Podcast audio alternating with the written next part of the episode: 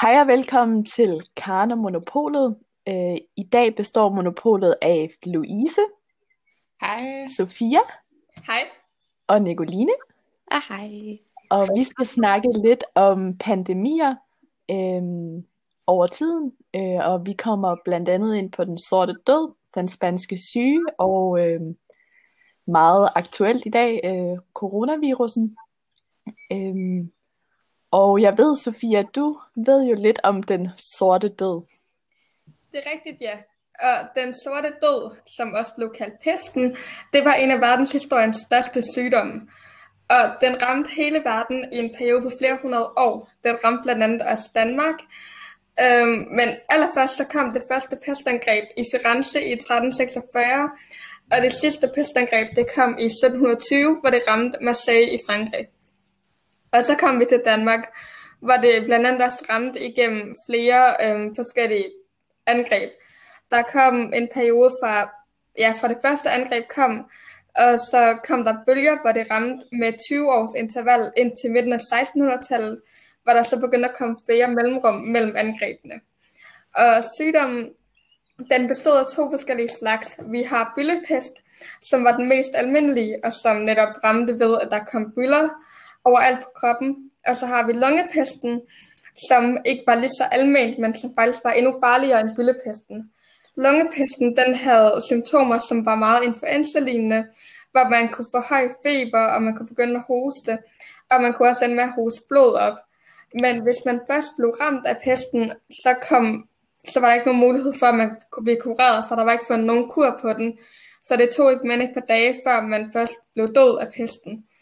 Og gennem den periode, hvor, fest, hvor pesten den ramte, der døde over halvdelen af Europas befolkning. Så det har været en meget skræmmende tid at leve i. Ja, altså de her byller her, hvor, hvor store var de? Var det et æble eller vindruer størrelse? altså, de kunne have forskellige størrelser. De var for det meste på størrelse med et æg, men de allerstørste af dem kunne have samme størrelse som et æble. Mm. Hvor, hvor satte de sig henne, så nogle billeder? Var der et sted, hvor de var mere ofte? Altså, eller? de startede med at sætte sig i, i nymferne, men de satte sig generelt over hele kroppen, øhm, så man kunne være fuldkommen dækket af dem til sidst. Ja, så går vi øh, et spring øh, frem i tiden, øh, og det er 200 år, hvor øh, endnu en pandemi øh, rammer, øh, og det ved jeg, du ved lidt om, Louise. Ja, altså det er helt rigtigt. Det var den spanske syge, som ramte de her 200 år efter pesten. Det var en, det, man kalder en influenzapandemi, som brød ud i slutningen af Første Verdenskrig og dræbte mange millioner mennesker, heriblandt øh, 15-18.000 danskere. Øhm, og den spanske syge her, den fik simpelthen let spil i de her skyttegrave, der blandt, øh, ja, de her skyttegrave, så blandt underernæret i øh, de her i befolkningen i de mest krigsførende lande. Det var en voldsom øh, influenzapandemi, der havde det meste af kloden i flere bølger fra 1918 til 1920. Og det første bølge af den spanske syge kom til Danmark via udlandet i sommeren i 1918. Lærerne tog det her i starten meget stille og roligt, for det var jo kun en almindelig influenza, selvom den opførte sig atypisk ved at angribe om sommeren og primært ramme unge mennesker, i forhold til den her almindelige influenzapandemi, som rammer om vinteren, hvor det primært øhm, er de her ældre og mere svækkede øh, mennesker med immunforsvar, der bliver syge. Hvordan kan det være, at man kalder sygdom for den spanske syge? Øhm, det gør man simpelthen, fordi at det var simpelthen de amerikanske soldater, som simpelthen bragte den til USA til at starte med igennem de her skyttegrave, øhm, som jeg forklarede om i Første Verdenskrig. Men grund til, at den simpelthen hedder den spanske syge, det er fordi de første officielle rapporter stammer fra Spanien af. Okay, øhm, så laver vi lige endnu et spring, øh, og det er et helt århundrede, vi går frem. Øh, Nicoline, vil du fortælle os lidt om coronavirusen? Ja, øh, det er jo faktisk meget aktuelt. Det er jo det, vi lever i nu. Vi skriver en helt ny øh, historie. Øhm, virusens navn, den kommer fra et latinsk ord for krone. Det er så corona. Øhm, og det gør den, fordi at den her viropartikels omrids, det ligner en kongekrone. Øhm, og der er også nogen, der kalder, den bliver også kaldt øh, covid-19. Og den her sygdom, den har dræbt øh, på verdensplan øh, 346.000 øh, flere dødsfald hver dag hele tiden. Og det antages også, at den her virus, den stammer fra Kina, øh, fra et dyremarked i Wuhan. Wuhan. øhm, og det er faktisk, øh, der er også nogle rygter om, at det stammer fra et laboratorium i Kina, men i hvert fald fra Kina. Øhm, og det første coronatilfælde, vi havde i Danmark, det blev vist den 27. februar 2020. Øhm, og herefter der er antallet af eller bekræftet med øh, coronavirus faktisk bare steget.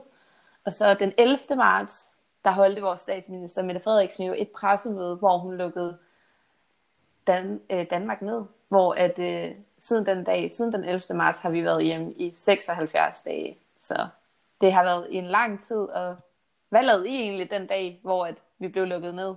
Øh, jamen, øh, jeg var øh, hjemme hos en veninde sammen med nogle andre veninder, hvor vi skulle lave noget øh, lækkert mad, øh, og vi skulle se en film. Øh, og pludselig så siger min ene veninde, at vi bliver nødt til at se det her pressemøde, fordi hun kan mærke, at, at der kommer til at ske noget vildt. Øh, og vi sætter os ned i, i sofaen, og vi kan egentlig ikke rigtig fjernsynet til at virke, øh, men så får vi det til at fungere, og så står der bare på skærmen, at Danmark lukker ned øh, med store blokbogstaver. Øhm, og så kommer statsministeren på og siger, at øh, skolerne skal lukke fra, øh, jeg kan ikke huske, om det var torsdagen eller fredagen efter, eller om det var mandagen efter den weekend, der var op til. Øhm, og jeg kan huske, at jeg ringer til min mor, og jeg spørger, om jeg skal tage hjem, øhm, fordi jeg skulle sove der hos min veninde, og hun siger, ej, det, det går nok, jeg henter dig bare i morgen tidlig. Øh, men jeg var sådan, skal du så på arbejde? Skal jeg på arbejde? Øh, og det hele, det var bare sådan lidt over det hele øh, mm. og forvirrende. Ja. Yeah. Ja, jeg kan personligt huske, jeg sad nederne på mit værelse, mens mine forældre de var ovenpå og så pressemødet. Øhm, og jeg kan huske, at da det først bliver officielt, at Danmark lukker ned, og vi ikke skal i skole, så bliver min mobil bombarderet med beskeder inden fra vores klassechat. Og jeg sad til at starte med bare lidt i chok, øhm, og forstod det ikke helt, indtil jeg så spænede op ad trappen, for at snakke med mine forældre om det, og høre, om de forstod hele den her situation. Jeg huske, hele den aften, der var jeg også bare i sådan chok, fordi jeg bare ikke fattede det, og jeg synes, det var så mærkeligt. Øhm, så det var en helt ny situation, vi var gået ind i. Ja. Jamen, jeg var simpelthen... jeg var simpelthen til træning, der er gymnastiktræning, øhm, hvor lige pludselig midt i træningen, der bliver vi afbrudt af, at alle vores mobiler simpelthen bare plinger derude af på øh, skiftevis, så vi bliver enige om lige at tage en kort 5 minutters pause lige til hurtigt at se, hvad fanden der sker. Øhm, så jeg ser faktisk ikke det her pressemøde, hvor hun melder det ud. Øhm, så da vi finder ud af, hvad der egentlig er sket, at Danmark er lukket ned, og sådan, så bliver vi enige om, at, det, at vi pakker bare sammen og tager hjem i stedet for at fortsætte. Så det var også det var vildt mærkelig situation at stå i lige pludselig. Ja. Vi har jo også en, øh, en kilde med, øh, som du faktisk har skrevet, Sofia. Ja, det er rigtigt. Vil du fortælle lidt om den? Ja, fordi jeg kan huske et par dage efter, at Danmark var blevet lukket ned, og vi alle sammen var blevet sendt hjem fra skole, så skrev vores dansklærer Camilla ud på lektion til alle sine danskhold, øhm, for at høre, fordi at Odense Statsarkiv, de ønskede at få fat i nogle kilder, som blev skrevet i den her tid, for at man til senere tid kunne bevare altså kilder, så man kunne se, hvordan det var i den her tid. Så jeg valgte at skrive en, som jeg så sendte ind til min lærer, som så nu er blevet bevaret, øhm, fordi jeg synes, det kunne være ret sejt at have en kilde bevaret. Jeg skrev kilden den 22. marts, og har et lille citat fra den, jeg gerne vil læse op. Gaderne er øde, kun få mennesker er ude, og dem der er, skal være påpasselige på ikke at smitte hinanden. Det føles helt uvirkeligt. Det var den tanke, jeg som havde på det her tidspunkt, fordi personligt turde jeg ikke selv gå uden for døren, medmindre jeg skulle over handle eller noget. Altså i hele verden, ikke kun i Danmark, der var byer nærmest efter et totalt øde, og der var ikke nogen mennesker, der var ude, så det føles bare helt uvirkeligt. Og især i kontrast til, hvordan det er nu, hvor Danmark er ved at lukke op, og man kan se en masse mennesker på gaden. Um, så det er ligesom to forskellige dele af den her pandemi, man så kan se. Ja, yeah. det er også der med det 76 dage siden. Det er ret vildt, fordi når jeg går ind i byen, jeg bor her øh, i Odense, der at der mennesker over det hele. Det er jo øh, den helt store fællesnævner for de tre øh, pandemier her, det er jo håndteringen, altså det her med isolation øh, og karantæne. Øh, Sofia, hvordan håndterede man øh, det øh, under pesten? Ja, i pesten, der var det der, man for alvor begyndte sådan at bruge det her med isolation og karantæne. Fordi der blev bygget store pesthospitaler, hvor man godt nok ikke sendte de hvor man ikke sendte peststofferne hen for at blive behandlet, men derimod bare for at komme ud af vejen, så de ikke skulle smitte andre mennesker. Ja, for det var jo sådan set en dødserklæring dengang, Ja, det øh, har jeg ladt mig øh, fortælle, når man fik pest. Det er rigtigt, fordi pesten den smittede gennem berøring, og man kunne ikke blive kureret for den. Så det øjeblik, man fik pest, der var man på spatten, der kunne man bare vente på, at man ville dø. Man plejede også at stå familier sammen i huse, for hvis der var et medlem af familien, der havde pest, så blev alle medlemmerne de blev isoleret i deres hus, og der blev sat et kors på døren, så man ligesom for andre kunne se, at det her det var et hus, hvor, der var, hvor pesten havde ramt. Fordi man forsøgte at isolere folk, så de ikke skulle komme ud og smitte andre mennesker. Det var altså det bedste, man kunne gøre på den her tid. Ja, øh, og jeg ved, Louise, at under øh, den spanske syge, der sendte øh, Sundhedsstyrelsen øh, nogle forholdsregler ud øh, i forhold til udbredelse øh, af influenza. Kan du komme ind på nogle af de her punkter, man ligesom øh, rådede befolkningen om? Ja, det kan du, det kan du tro, jeg kan. Øhm, det er meget ligesom Sofia og sagde lige overordnet, så er det simpelthen Sundhedsstyrelsen i den 17. oktober 1918 udsendt den her øh, forholdsreglerne. Sådan 12 forholdsregler mod udbredelse af influenza, som de bare kaldte den dengang. Øhm, og nogle af dem, der er simpelthen det her med at jagte den størst mulige renlighed. Det er meget ligesom vi gør i dag, det her med at vaske hænder og spritte af hele tiden. De havde godt nok ikke de samme værnemidler, men det var noget, man var opmærksom på. Og holde, munden, holde hånden for munden, når man hoster, øhm, eller nyser for den sags skyld. Og så det her med, at øh, man simpelthen skulle sørge for, at udluftning af værelserne dengang var også vigtigt, og holde sig så vidt muligt væk fra de syge, undgå unødvendige besøg, øhm, og så måtte man heller ikke stå for tidligt op efter sygdommen. Øhm, det er også mærkelsesværdigt i forhold til, hvad vi ligesom ved i dag om de her udbredelser. Øhm, og så undgå det her med at samles mange mennesker flere steder. Så man kan jo se, at mange af de her retningslinjer, der simpelthen blev udskrevet dengang, det er meget det, som minder om det i dag. Øhm, bortset fra, at dengang havde man simpelthen ikke det store fokus på det her med afstand og håndhygiejne, som man har i dag. Men ellers er mange af punkterne simpelthen det, der simpelthen går igen fra Sundhedsstyrelsens råd øhm, under den her covid-19-pandemi. Øh, ja, og noget af det, der jo især har været tale om her under corona, øh, det er jo det her med større forsamlinger. Øh, Nicoline, kan du prøve at sætte nogle ord på det?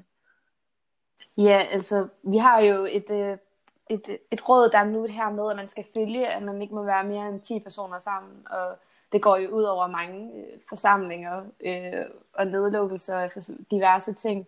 Men en af det, der har ramt meget, både i Danmark og i andre lande, som for eksempel New York, det er jo de her begravelser, fordi der er så mange, der dør, så, øhm, så bliver ligesom de simpelthen, der er så mange, der dør på samme tid, at de bliver nødt til at lave noget, der ligner lidt en slags massegrav øh, hvor de simpelthen bare bliver nødt til at begrave kiserne ved siden af hinanden. Øhm, og der er også et tilfælde, hvor jeg er blevet nødt til at tage ishockeyhaller i brug for at holde lige kolde, fordi der ikke er, der er ikke plads nok i de her lighuse, hvor de ligger. Øhm, det er jo forfærdeligt, men var det ikke også noget med, at øh, under den sorte død, Sofia, der havde de massegrave? Jo, det er rigtigt nok. Men var det simpelthen bare at stue alle liggende sammen i de her kæmpe massegrave, for på den måde at forhindre, at de kunne smitte andre mennesker. Men der var selvfølgelig det problem, at man havde svært ved at finde nogen, der ville håndtere ligene, og som ville bære dem ud i de her massegrave. Så til sidst var man nødt til at bede øhm, kriminelle om det. Så man lavede en aftale med flere kriminelle, at hvis de gik med til at bære ligene ud til massegravene og være livvogter, øhm, og så ville de få fjernet deres straf, og de ville kunne få deres frihed. Men det endte selvfølgelig aldrig med at være aktuelt, fordi alle kriminelle døde, inden de kunne nå få deres frihed.